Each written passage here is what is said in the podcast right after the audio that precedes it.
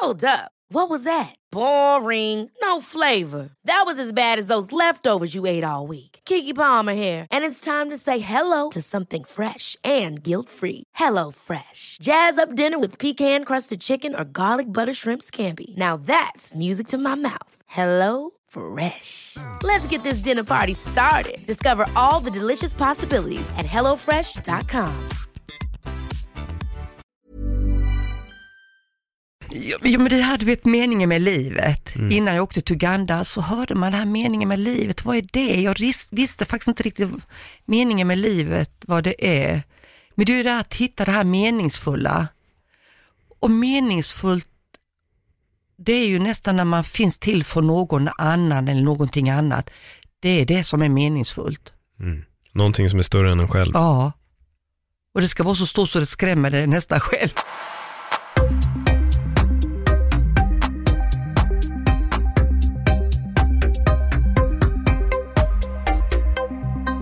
Dana Simovic, välkommen till Öppet sinne. Tack Paul. Kul att äntligen få ha dig här, för du har ju pratat lite fram och tillbaka nu i två, tre månader ungefär, innan vi faktiskt fick till vår, vår inspelning. Ja, det gick några turer här, men Ja. äntligen sitter jag här med dig. Jättekul faktiskt. Ja, ja men otroligt kul och jag, jag tycker din, din historia är väldigt, väldigt, väldigt intressant. Så vi gör så här, du får förklara lite enkelt bara, berätta lite enkelt om vem du är och vad det är du har gjort, så ska vi gå in på din story direkt efter det. Mm.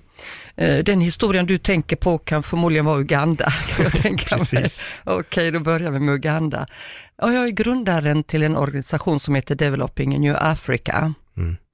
Och det är ett skolprogram som är skapat för Afrikas skolor egentligen, inte bara Uganda, men jag har börjat där. Eh, Och det här innebär då att barnen ska få lära sig att ta hand om sin miljö. Det finns ju väldigt mycket sjukdomar i Afrika som startar av oren miljö. Mm. Och jag har ju växt upp i ett land då med Håll Sverige rent och jag kände att jag kunde nog tillföra en hel del för framtiden här. Så det är stora mål jag har här Ja. med den här organisationen. Hur länge har du jobbat med det här? Just i Uganda då? Mm. Alltså storyn började ju 2010 Mm. eh, och eh, 2012 började jag med idén. Sen tog det ju några år innan det började formas till skolprogrammet. Just det. För det här är ju ändå så Uganda, Afrika och allting fungerar inte riktigt som i Sverige. Nej. Så allt tar lite längre tid kan man säga. Mm. Ja. Va, vad var det som fick dig åka dit? För jag vet att du innan, eh, innan det så levde ju du det som många klassar som ett, ja, men ett bra liv. I alla fall det vi är så här, ja nu har vi lyckats. Man är gift, man har sitt hus, allting är liksom tipptopp och då ska man vara ganska nöjd och i princip invänta sin pension känns det nästan som att många, många tänker. Men det, men det gjorde inte riktigt du, det vände där. Ja, jag hade ju allt det där som du sa, vovve, villa och Volvo faktiskt. Eh, jag har tre vuxna barn, jag är farmor och mormor, men 2009, då tog jag ett beslut att eh, lämna en lång relation. Mm. Och det var något märkligt som hände, det, mitt liv vände totalt. När jag stod där ensam kan man säga och tänkte, vad ska jag göra av all min tid?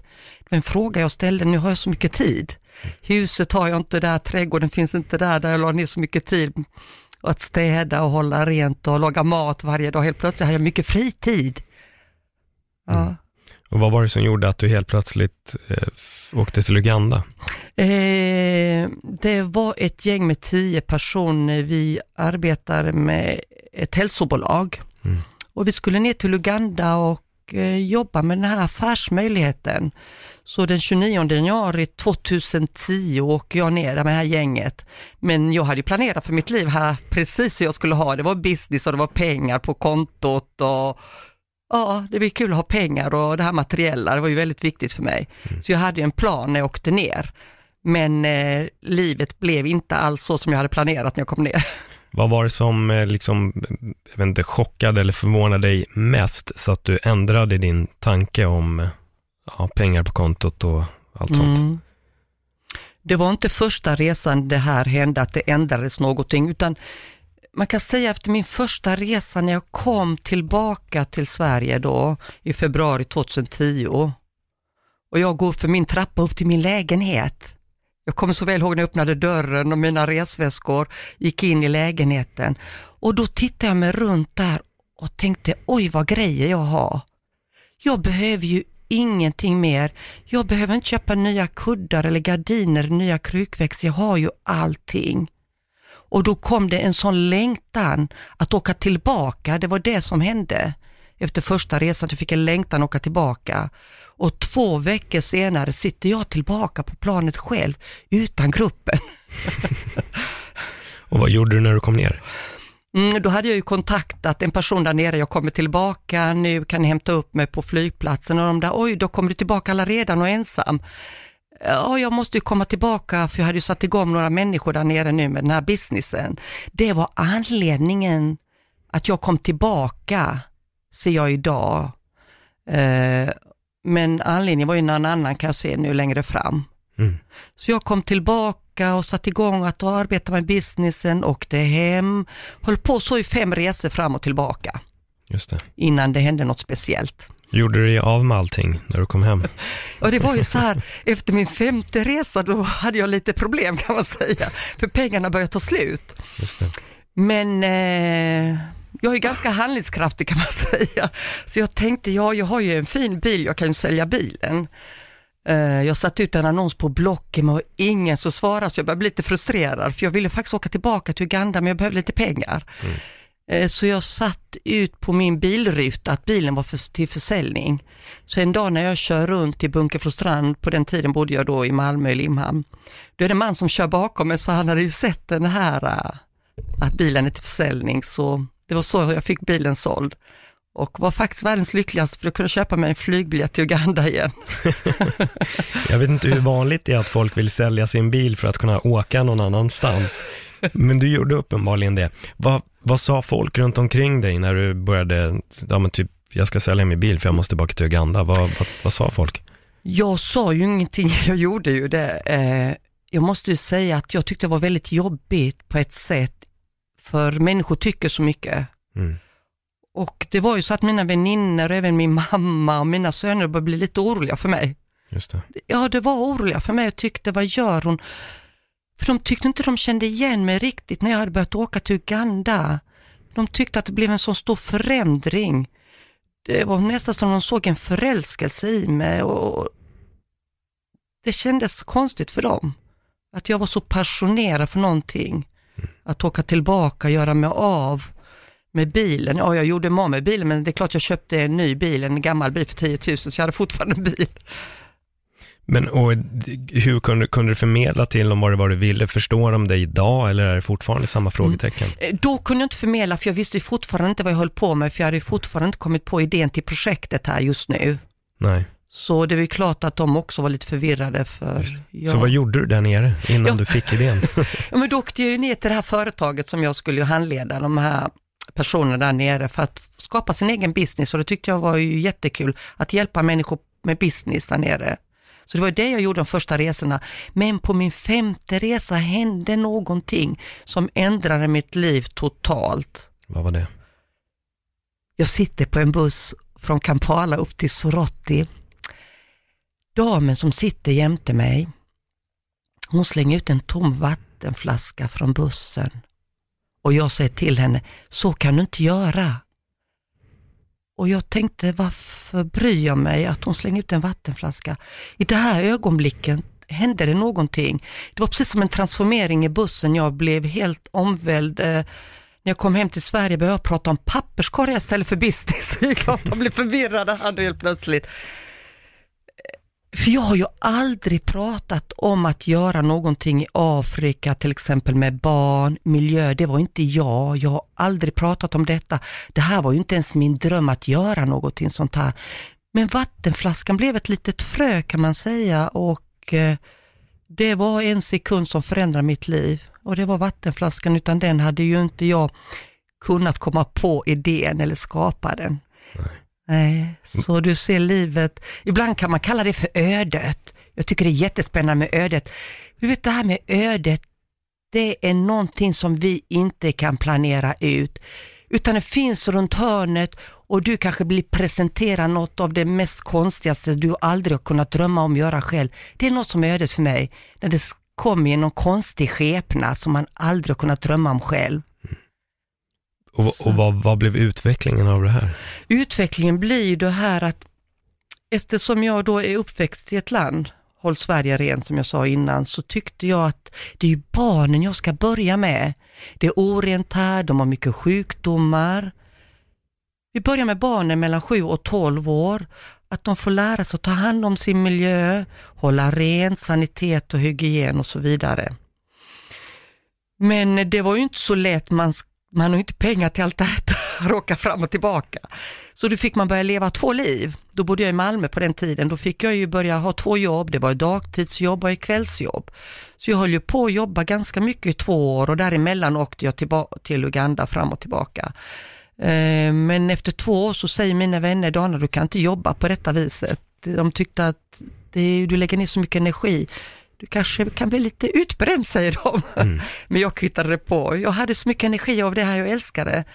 För jag hade en passion och ja, den, där fanns orken kan man säga. Ja. När, när kunde du sätta igång projektet helt? Jag satte igång 2012. Eh, då hade jag faktiskt ett annat namn. Då hette jag Pearl of Africa Environment. Det var i tre år jag hette Pearl of Africa Environment, eh, men jag stängde ner det 2015 av olika anledningar som jag sa det är inte så lätt jobbat alltid och man ska hitta rätt människor att jobba med. Så 2015 stängde jag ner det efter en lång story som vi inte ska ta idag. Nej. Den storyn kommer ni få läsa i min bok, så den vill jag inte dela med. Eh, men 2015 blev det Developing in New Africa. Mm. Så från 2015 kan man säga fram till nu har jag ju arbetat mycket med att gå runt till skolor och implementera det här och de har varit pilotskolor så ett skolprogram ska skapas. Det tar tid att skapa ett skolprogram. Man måste se hur det fungerar.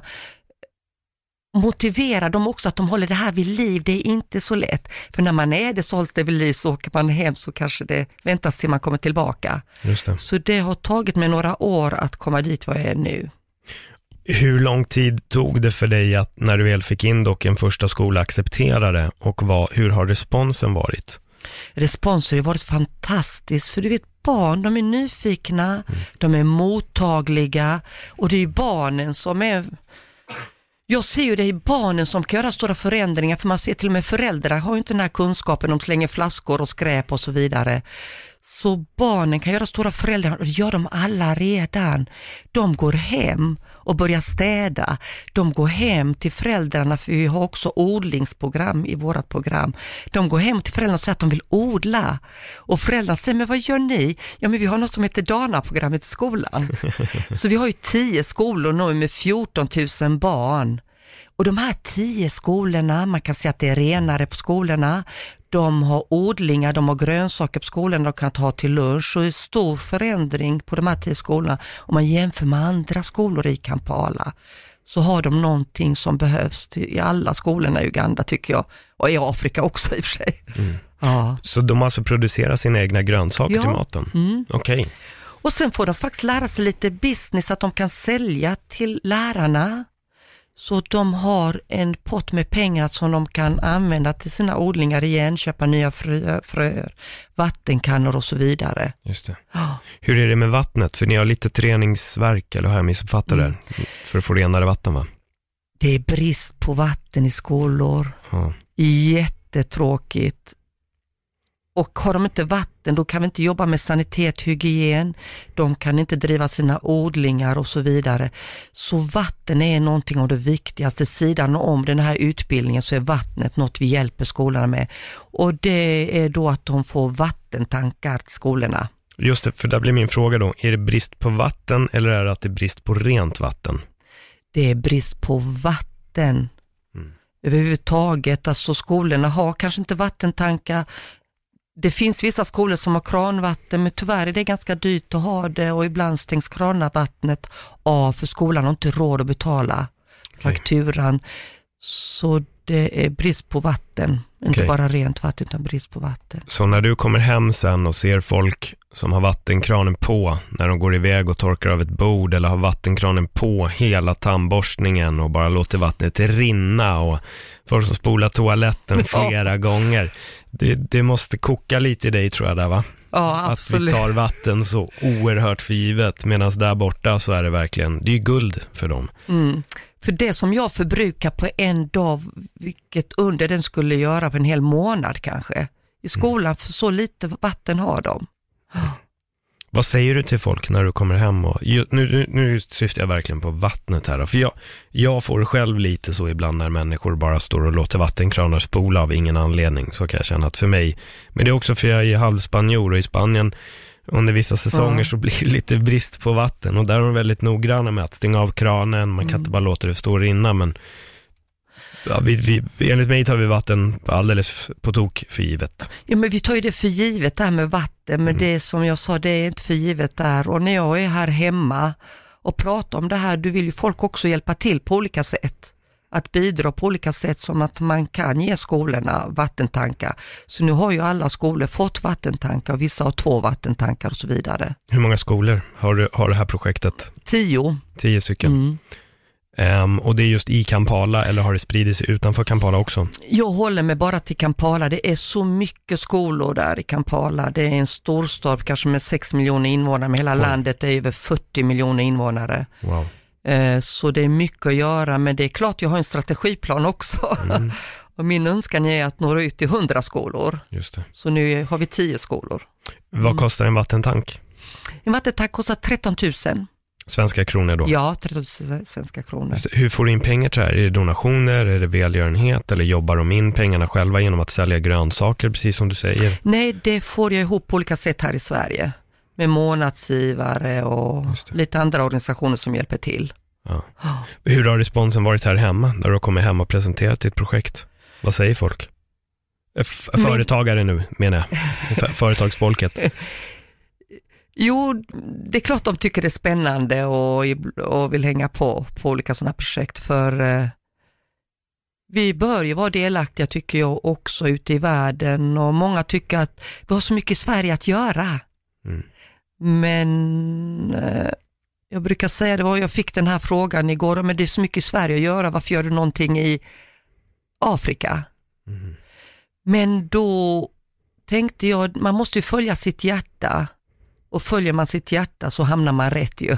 Mm. Så jag ska förmodligen vara i Uganda och Afrika, för det var där mitt hjärta tog mig ju. Okej, men vad ja. menar du om att det är så mycket, vadå, att det är mycket problem i Ofta Sverige? Får, ja, jag får ju höra den frågan, varför, varför håller du på med Uganda? Det finns så mycket här man behöver göra också med barn och, och det är massa problem vi har i Sverige också med kvinnor och barn och så uteliggare. Ja. jag kanske kunde lägga ner min energi på, ja, här hemma i Sverige. Okej. Okay. Ja, så det får man höra ibland. Men jag brukar säga alla, ja, man måste följa sitt hjärta som jag säger. Ja. ja. Och då hamnar man rätt och nu blev det Uganda och vattenflaskan och, och så vidare. Fast det är väl fantastiskt, alltså du hjälper ju, alltså du hjälper ju folk, så jag blir lite, för mig, jag får mer frågetecken av frågan än, än någonting annat. Jag tycker att det är som jag sagt till dig innan vi spelar in, det mm. du gör är en sån osjälvisk akt. Du åker någon annanstans, du hjälper folk. Jag tror att alla vet att det finns saker som vatten som vi tar för givet. Ja. Det är inte lika att ta för givet där. Mm. Du gör någonting för mänskligheten istället bara för att tänka innanför en ram av en gräns. Mm. Eh, du sa själv att du kom hit när du var 19 år, flydde kriget om jag inte missuppfattade det helt. Jag kom när jag var fem år. Vi kom fem, ja, 1964 kom vi till Sverige från Kroatien. Vi var flyktingar på den tiden. Ja. ja. Och hade vi då tänkt så fyrkantigt som vissa nu tänker om dig, då hade vi kunnat sagt nej till dig. Eller då hade folk kunnat sagt nej till dig. Mm. För att vi har folk att ta hand om här. Mm. Du kom från en gräns, gick in i en annan och du fick hjälp här. Nu vill du hjälpa folk på en annan gräns. Det är väl ödets cirkel som sluter sig själv kanske. Eller hur? Och jag känner mig så privilegierad att mm. ha tre olika världar i mitt liv. Mm. Så jag, jag, är född i Kroatien, mina gener där och allt vad det innebär. Och så kommer man till Sverige, där det är liksom ordning och reda och man formas på någonting, på något sätt tycker jag. Och så hamnar jag i Afrika och Uganda där jag på något sätt växer som människa. Mm. Hamnar på något sätt i Uganda och börjar växa som människa. Och fast jag som jag sa, mamma, farmor, mormor, så har inte jag växt färdigt. Nej. Långt, långt härifrån. Ja, vi blir nog aldrig klara. Nej. Jag Och jag tycker livet är nästan för kort, man hinner inte med. Nej. Jag menar, man hinner inte med rätta till kanske misstag man gjorde i livet. Eh, man kanske inte hann med det man ville. Du vet det här på dödsbädden när folk ångrar sig någonting. Så man hinner inte med allt man vill under ett helt liv ju. Nej, man gör nej, inte det. Nej. Jag har sagt det här tidigare i en podd, att jag är nöjd ifall det är en sak jag inte hinner med. Mm. Då lever jag hela tiden tills den Mm. dagen jag går i graven. Och jag tror att det det är ett skönt mål än att, in, än att känna att jag måste bli klar med allt. Jag vill ha Mm. en sak jag inte hann med, men nu, just nu så håller inte jag på att rädda liv, vilket jag ändå tycker att det är ändå en, en grej du faktiskt gör. Alltså, om man har problem med vatten, det är, det är det vi behöver. Vi behöver syre, vatten och mat. Det är de Mm, tre sakerna mm. vi behöver för att också kunna ha ett liv. Och tar du bort en av de sakerna så kommer folks liv att bli begränsade. Mm. Och om det här nu kan leda till att det här börjar spridas mer och mer och till slut så börjar det hamna mer ut i hela kontinenten Afrika, Absolut. eh, så är det fantastiskt. För att de ligger ju efter på väldigt mycket saker och det kan vi ju se när man får en inblick i det landet. Och jag tror ändå att när du kom dit, det blev ett uppvaknande som du säger. Du vaknade upp för att det finns mer till livet än att bara stirra sig blind på eh, Ja. materiellt. Jo men det här du vet meningen med livet. Mm. Innan jag åkte till Uganda så hörde man det här meningen med livet, vad är det? Jag visste faktiskt inte riktigt meningen med livet, vad det är. Men det är ju det här att hitta det här meningsfulla. Och meningsfullt, det är ju nästan när man finns till för någon annan eller någonting annat. Det är det som är meningsfullt. Mm. Någonting som är större än en själv. Ja. Och det ska vara så stort så det skrämmer dig nästan själv. Mm. Jag var lite skrajsen i början, tänkte, är du helt galen? Hur ska du ro detta i land och så vidare. Ja, men det förstår jag. Ja, men eh, som du nämnde innan, ja vi är i Uganda nu, men jag själv ser mig som ett frö i det här och det här ska överleva mig. Mm. Så det är därför jag går liksom all in, för det här ska ju överleva mig. Och det känns lite härligt när man tänker på att man lämnar något efter sig Ja, inte en familj, utan man lämnar avstamp varför man var här på något sätt. Det är det jag tycker, att det är det som är drivande moroten lite för mig här, att tänka så. Jag tycker det låter som ett mycket bättre arv än att lämna en lägenhet som ens familj måste tömma och eventuellt behålla lite saker. Du lämnar ju någonting my- mycket, mycket mer. Och, men då Ja. undrar jag lite, vad, nu, du sa från 2015 och det är pågående just nu. Mm. Eh, du har då gått fyra år, eller snart Mm. fyra år antar jag, eftersom Mm. att vi är inne på 2019 nu. Ehm, hur långt har ni kommit i projektet och, och, och hur ser du utvecklingen på de som har haft, vi säger den första skolan till exempel. Mm. Hur ser utvecklingen ut hos dem? Eh, vi har jobbat samtidigt med alla Cool fact a crocodile can't stick out its tongue. Also, you can get health insurance for a month or just under a year in some states. United Healthcare short term insurance plans, underwritten by Golden Rule Insurance Company, offer flexible, budget friendly coverage for you. Learn more at uh1.com. One size fits all seemed like a good idea for clothes Nice dress. Uh, it's a it's a t-shirt. until you tried it on. Same goes for your healthcare. That's why United Healthcare offers a variety of flexible, budget friendly coverage for medical, vision, dental, and more. So, whether you're between jobs, coming off a parent's plan, or even missed open enrollment, you can find the plan that fits you best. Find out more about United Healthcare coverage at uh1.com. That's uh1.com. vi eh, sakta men säkert på olika sätt, så utvecklingen är ju fantastisk och både lärarna och barnen kan ju inte vara utan det här, alltså du får ju tänka på barnen får en kunskap, så det handlar inte om vatten bara, det är en kunskap de får med sig. De här som är 10 år idag, när de är 20 år, du kan ju tänka dig att hålla rent, de kan odlingar, sanitet, hygien. Det är en kunskap som är jätteviktig för framtiden. Så det är inte bara vattnet, den kunskapen som jag ser också är jätteviktig. Mm. Eh, och eh, Uganda är på gång. Jag har inte allting jag behöver idag, absolut, långt ifrån. Jag behöver människor, jag behöver lite organisation. Man behöver ett större team för att jobba vidare med det här. Men det är bara att fortsätta och sen händer det som ska hända. Det har varit så hela tiden. Hur, hur stort är teamet nu? Hur många är ni nu? Är det bara du som är helt, helt själv i det här eller Mm. finns det fler människor med? Nej, jag har ju ett team där nere, annars hade inte detta fungerat. Alltså jag har ett kontor med en koordinator och två stycken som är ute och tränar skolorna. Så jag har ett team där nere som håller det här i liv. Och så åker jag ner tre gånger om året och vi har arbetsplan och så vidare, så allting fungerar på det viset. Hur, Men- länge, hur länge är du där? Förlåt, men hur länge är du där per gång? Ja, det brukar vara några veckor. Och sen måste jag vara här hemma och, för jag tycker Sverige är viktigt också, inte bara Uganda. Jag tror eh, Sverige är viktigt också att det här projektet syns. Som idag har vi två skolor som engagerar svenska skolor. Så jag tycker det är viktigt för våra svenska barn också höra eh, lite, vi har vatten men det har inte de och de barnen tycker det är jättespännande i svenska skolan när man pratar om vatten och så vidare. Så jag vill ju blanda in, väva in Sverige lite mer också i det här projektet. Just det. På Ja. vilket sätt vill du veva in dem ännu mer? Det är ju kanske fler skolor som vill vara syskonskolor till skolorna där nere. Mm. Mm. Olika företag och även kanske ha människor som vill vara delaktiga och vara tillhöra Dana-teamet så vi kan växa. Det behövs. Vad säger din familj nu när det har gått några år? Vad säger de som var lite så här, nej men vad gör du? Varför ska du dit? Och vad, vad, hur, hur tänker du nu? Vad säger de idag? Nej, men, nej, men de är ju stolta över mig. Mm. Det måste jag säga. Både barnen och väninnorna och ja, de är stolta över mig faktiskt. Så de ser de, hon gjorde det. De trodde faktiskt inte på mig. Nej. Många tänkte att hon har fått en 50-årskris här, det här kommer gå över. Men det blev någonting av den 50-årskrisen, Ja, lite skämt åsido nu då. Ja. Men är det någon som har följt med dig ner av till exempel familjen? Är det någon i familjen som kanske är dig och jobbar? Och... Åh, jag hade mitt, Melissa, mitt barnbarn, med i somras, hon är 12 år. Det var underbart att ha henne med. Och hon fick verkligen se vad farmor gjorde och gå runt på skolorna. Det var en underbar upplevelse. Och så har min son Robin också varit med. 2014 var han med. Och min syster har varit med två gånger. Nu i november hade jag med mig en grupp på fem personer, också från Malmö, som ville se projektet. Och första gången de var i Uganda och de kommer återkomma. Så jag tycker det är trevligt att ha med mig människor ner också. Hur är livet i Uganda? För de som inte vet hur livet är, men, men hur, ser ett, ett eh, liv, hur ser livet ut för folk i Uganda? Ja, det är ju kontraster som natt och dag.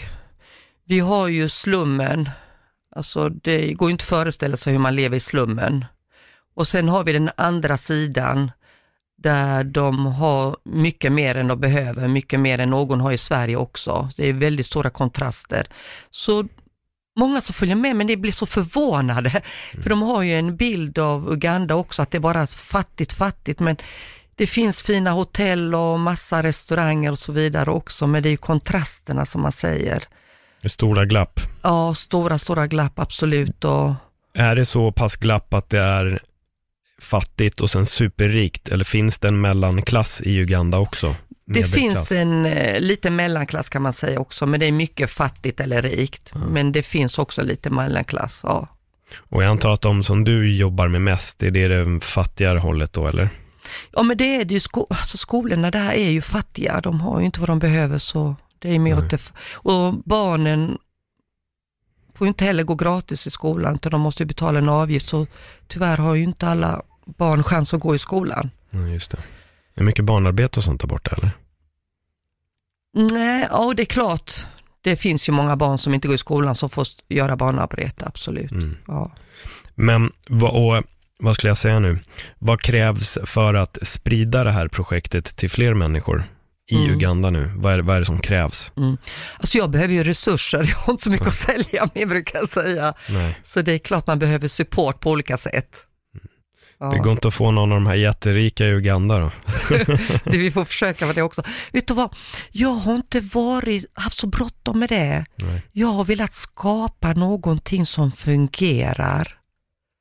Eh, Så nu är jag redo på att presentera någonting som finns, som är aktivt och som behövs. Så det har inte varit det viktigaste för mig, men det är det viktigaste just nu kanske för att ta sig framåt. Människor och resurser på olika sätt, så att detta kan växa i Afrika. Just det. Mm. Jag tycker det är super, superspännande. Hur, hur kan man liksom väcka uppmärksamhet om det här i Sverige till exempel då? Ja, det, man kan nå mig på min hemsida Donna Global. Mm. Uh, om man får säga hemsidans namn. Ja, såklart. såklart. Jag kommer Global. länka till den också Ja, i, i bion. Och så Den kan man ju skriva lite rader om sig själv och om man tycker detta är spännande. För jag vill verkligen ha människor med här som har hjärta och hjärna brukar jag säga. Mm. Någonting spännande, följa med på en spännande utvecklingsresa, ett framtidsprogram som kommer göra stora förändringar för Afrikas kontinent. Mm. Och jag tar gärna med mig människor ner, de får se också själva på plats.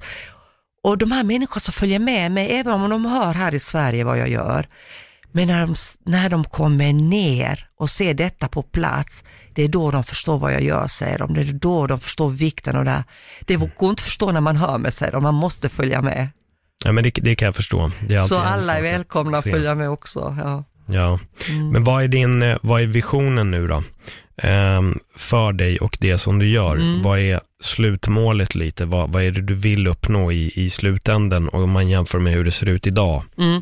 på skolorna. Ja, eh, som vi håller på att skriva en strategiplan nu att nå ut till 100 skolor i Uganda. Eh, och sen är ju meningen att vi ska ut till andra länder också. Det är Rwanda, Kenya, Tanzania och så vidare. Mm. Så meningen är ju att vi ska ut. Men det kommer ju bli lättare också för nu är det skapt i de här första åren som jag känner själv har tagit mycket energi och tid att skapa det. Men nu är det skapt så det kommer bli lättare att nå ut till andra länder. Finns det någon form av motstånd eh, för det du gör där borta? Mm. Absolut inte. Jag har inte känt någon motstånd på det viset för jag kommer ju att tillför någonting. Det är inte att jag kommer och vill ändra på någonting och säga att jag har bättre lösningar till någonting. Så jag går ju inte in i Skolverkets system och ska ändra på det. Utan jag kommer presentera någonting som vi kan göra sidan om. Som kan göra en förbättring. Jag tillför bara någonting så jag gör inte förändringar. Så därför tror jag också att man tas emot på ett annat sätt Ja, när man inte kommer och visar att man är duktig och man vill göra förändringar, utan tillföra någonting som behövs. Mm. Det är så jag känner. Och sen det här med rädda världen, så det, det är också någonting som är tungt, det håller, man inte på, håller inte jag heller på med brukar jag säga, utan jag är där för att, att tillföra någonting som behövs. Mm. Mm. Ja, men det är intressant för det behövs ju. Vi, vi behöver ju folk som tillför. Men det är skönt i alla fall att höra att du inte får någon motarbetning. För man vet ju aldrig heller. Ibland kan ju folk bara motarbeta saker trots att det inte är något som behöver motarbetas. Mm. Så det är ändå rätt, lite, nästan lite fascinerande att du faktiskt kan komma ner och presentera din idé och det är ingen som är så här, nej men det här behöver vi inte eller det här är bara, känns Mm. bara onödigt. Men de förstår väl själva bristen. Det är ju därför det har tagit mig några år, som jag sa i början hade jag ett annat namn och sånt. Det, det är mycket jag har fått lära mig. Mm. Eh, och det, har det är därför det har tagit tid för att lära mig att bli mottagen om man kan säga. Det. Blev det någon form av provokation i namnet eller? Nej, det var inte med namnet alls, men det, Nej. du vet man ska lära sig lite, man ska göra lite misstag som det Såklart. heter. Det är jättebra läxor. man ska lära sig misstag och man ska ha lite motgångar också. Mm. och titta på dem och ef- utefter det så kan man börja ändra på saker. Så det, allt har inte flyttit på, absolut inte. Nej. Nej. Vad skrämmer dig? Vad som skrämmer mig?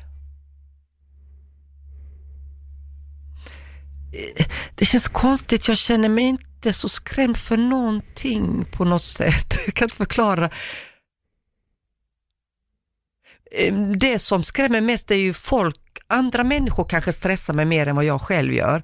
Eh, Jag kan få den här frågan, men har du inte fått sponsorer nu? Hur, hur länge ska du orka? Så inte ens det skrämmer mig för jag vet, jag jobbar organiskt kan man säga. Det är därför inte det skrämmer mig. Jag tar den tid det ska ta för jag ska själv orka med. Och jag ska också själv växa som människa sidan om projektet för att kunna hantera framtiden med allt vad det innebär. Så, men jag vill gärna dela med mig, för du frågade mig vad som skrämmer mig. Mm. Vill gärna dela med mig ett ögonblick som faktiskt skrämde mig en gång i Uganda. Det är det enda som har skrämt mig. Mm. Många säger, och är du inte rädd när du åker ner? De tänker överfall, sjukdomar, massa konstigheter. Det har aldrig skrämt mig. Men det var 2011 när jag var i ett slumområde och jag tittade mig runt omkring. då skrämde jag mig själv lite, för jag tittade mig runt omkring och tänkte, varför vill du vara här? Jag blev faktiskt lite orolig för mig själv, varför jag ville vara där. Jag tänkte, vad gör du här? Har du blivit lite galen nu? Varför vill du vara här? Varför åker du inte ner till Kroatien, ligger vid en pool, tar en drink, kopplar av, du har slitit hela ditt liv, du har barnbarn. Varför vill du vara här när jag tittade mig runt omkring slummen? Det är det enda som har skrämt måste jag säga det. Vad det var jag så- själv. Att jag du? valde att jag ville vara där. Ja. Jag ville vara där. Ja. Jag ville vara där i Uganda, jag påverka och göra förändringar. Vad såg du i slummen? Det var det här eländet, hur de bodde, de hade trasiga kläder och kanske kändes lite obehagligt att stå där, att jag ville vara där.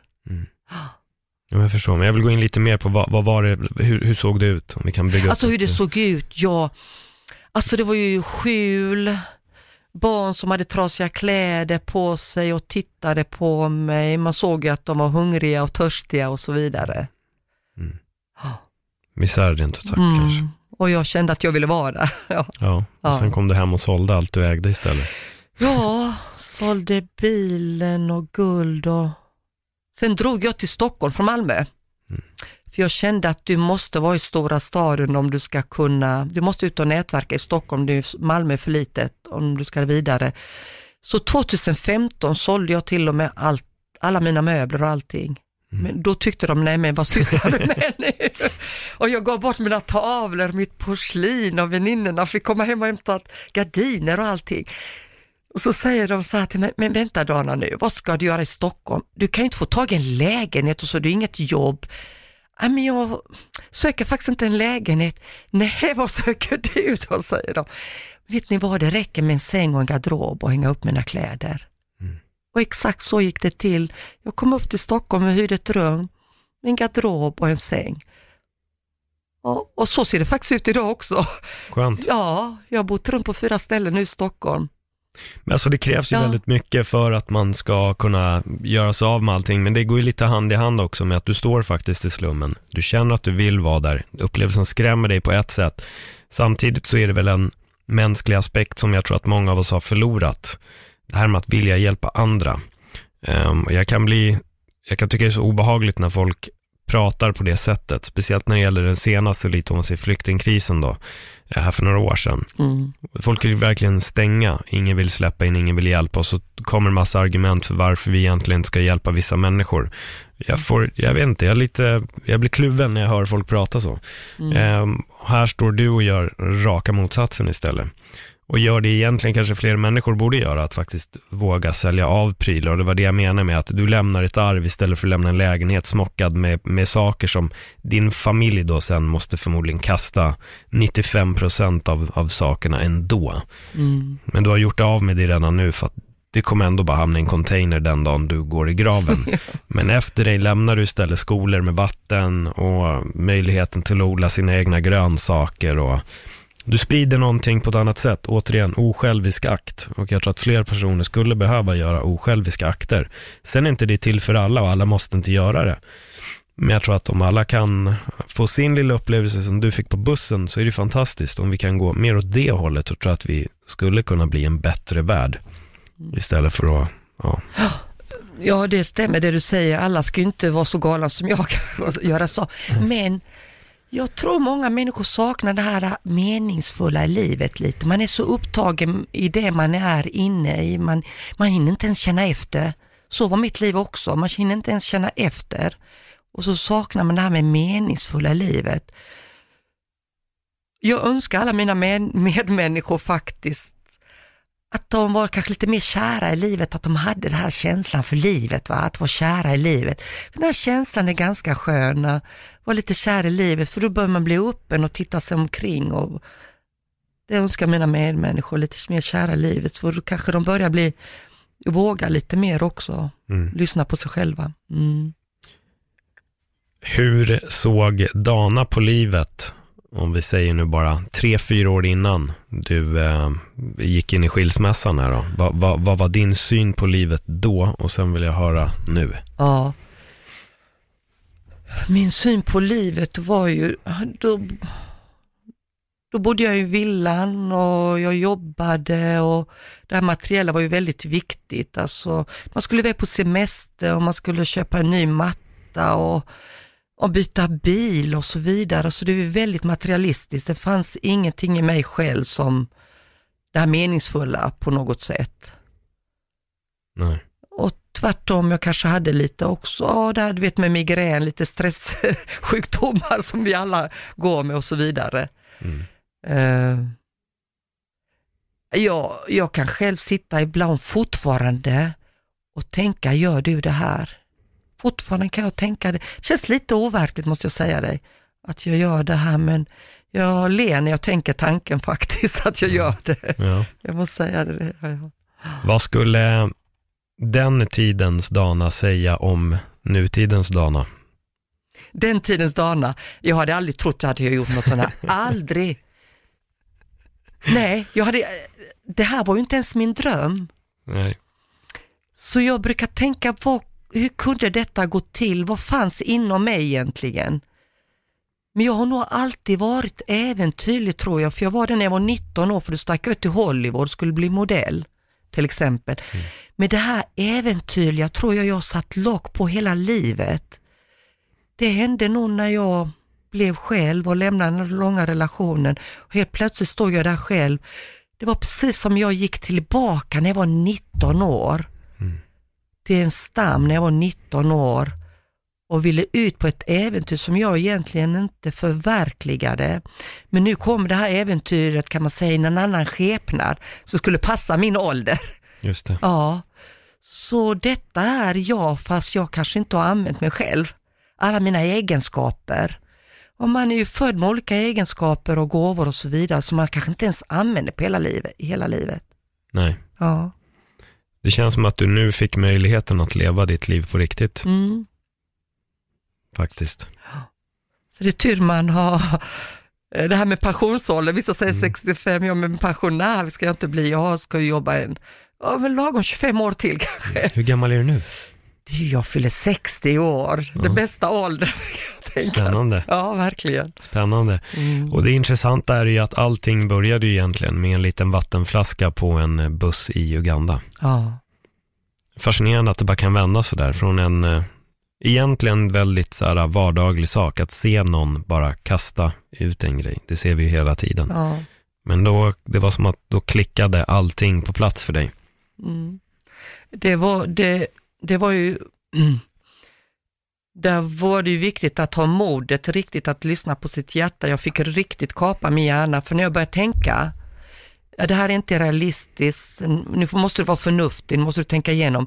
Då fick jag en klump i magen när jag tänkte gärna börja förstöra för mig riktigt. Så jag började använda den här metoden. Jag fick en klump i magen. Då kapade jag min hjärna. Jag tänkte inte. Jag tänkte nu följer du hjärtat och magkänslan. Och det var det som var min räddning. Jag har aldrig jobbat med hjärtat och magkänslan så som jag gjorde med Uganda. Och det är det som har tagit mig fram. Hur mycket skrek hjärnan nej? Väldigt mycket, det blir ofta klump i magen. Ja. Ja, Men det är jättespännande, för det, då kommer vi in lite på det här med egot. Att Ja. man måste separera egot. Ehm, och det låter ju precis som att du faktiskt lyckades göra det. Mm. Att du lyckades verkligen följa den, den genuina liksom, magkänslan istället för att i huvudet sa att så här, nej men det här, skit i det här bara. Gå på det säkra, Mm. Vilket vi oftast gör, alltså, eller folk generellt sett gör. Man följer oftast det säkra och man lyssnar kanske på huvudet för mycket.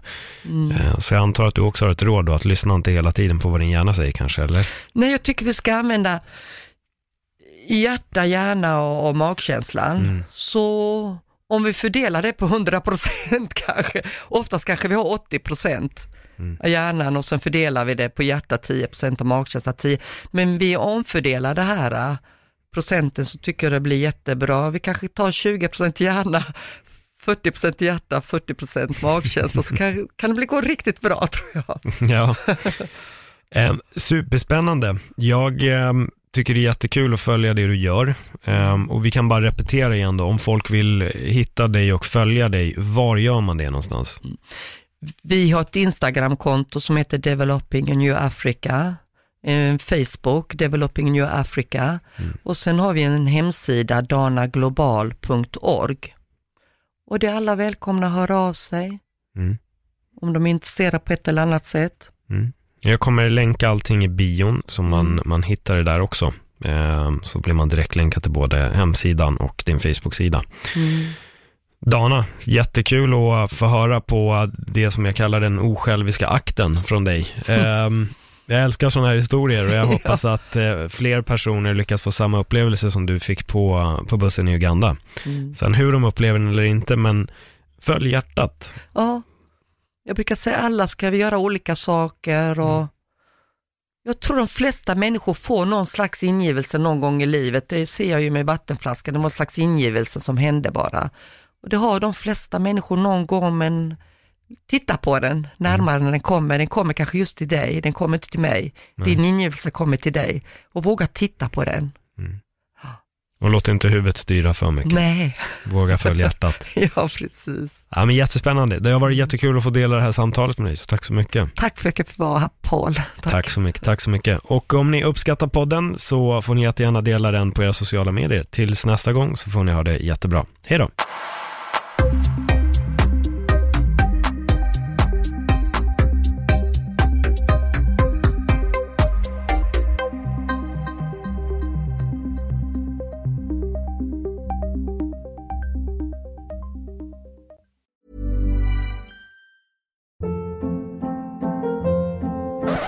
Hold up. What was that? Boring. No flavor. That was as bad as those leftovers you ate all week. Kiki Palmer here, and it's time to say hello to something fresh and guilt-free. Hello Fresh. Jazz up dinner with pecan-crusted chicken or garlic butter shrimp scampi. Now that's music to my mouth. Hello Fresh. Let's get this dinner party started. Discover all the delicious possibilities at hellofresh.com.